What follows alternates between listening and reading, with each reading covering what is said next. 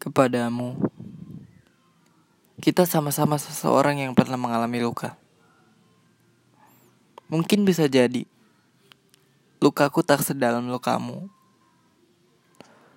Boleh untuk aku menyembuhkan lukamu itu.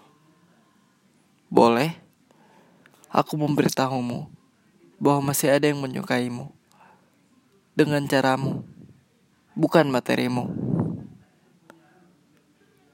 Kemarilah, genggam tanganku, dan rasakan arti ingin memiliki tanpa berpikir untuk meninggalkan, apalagi berkhianat.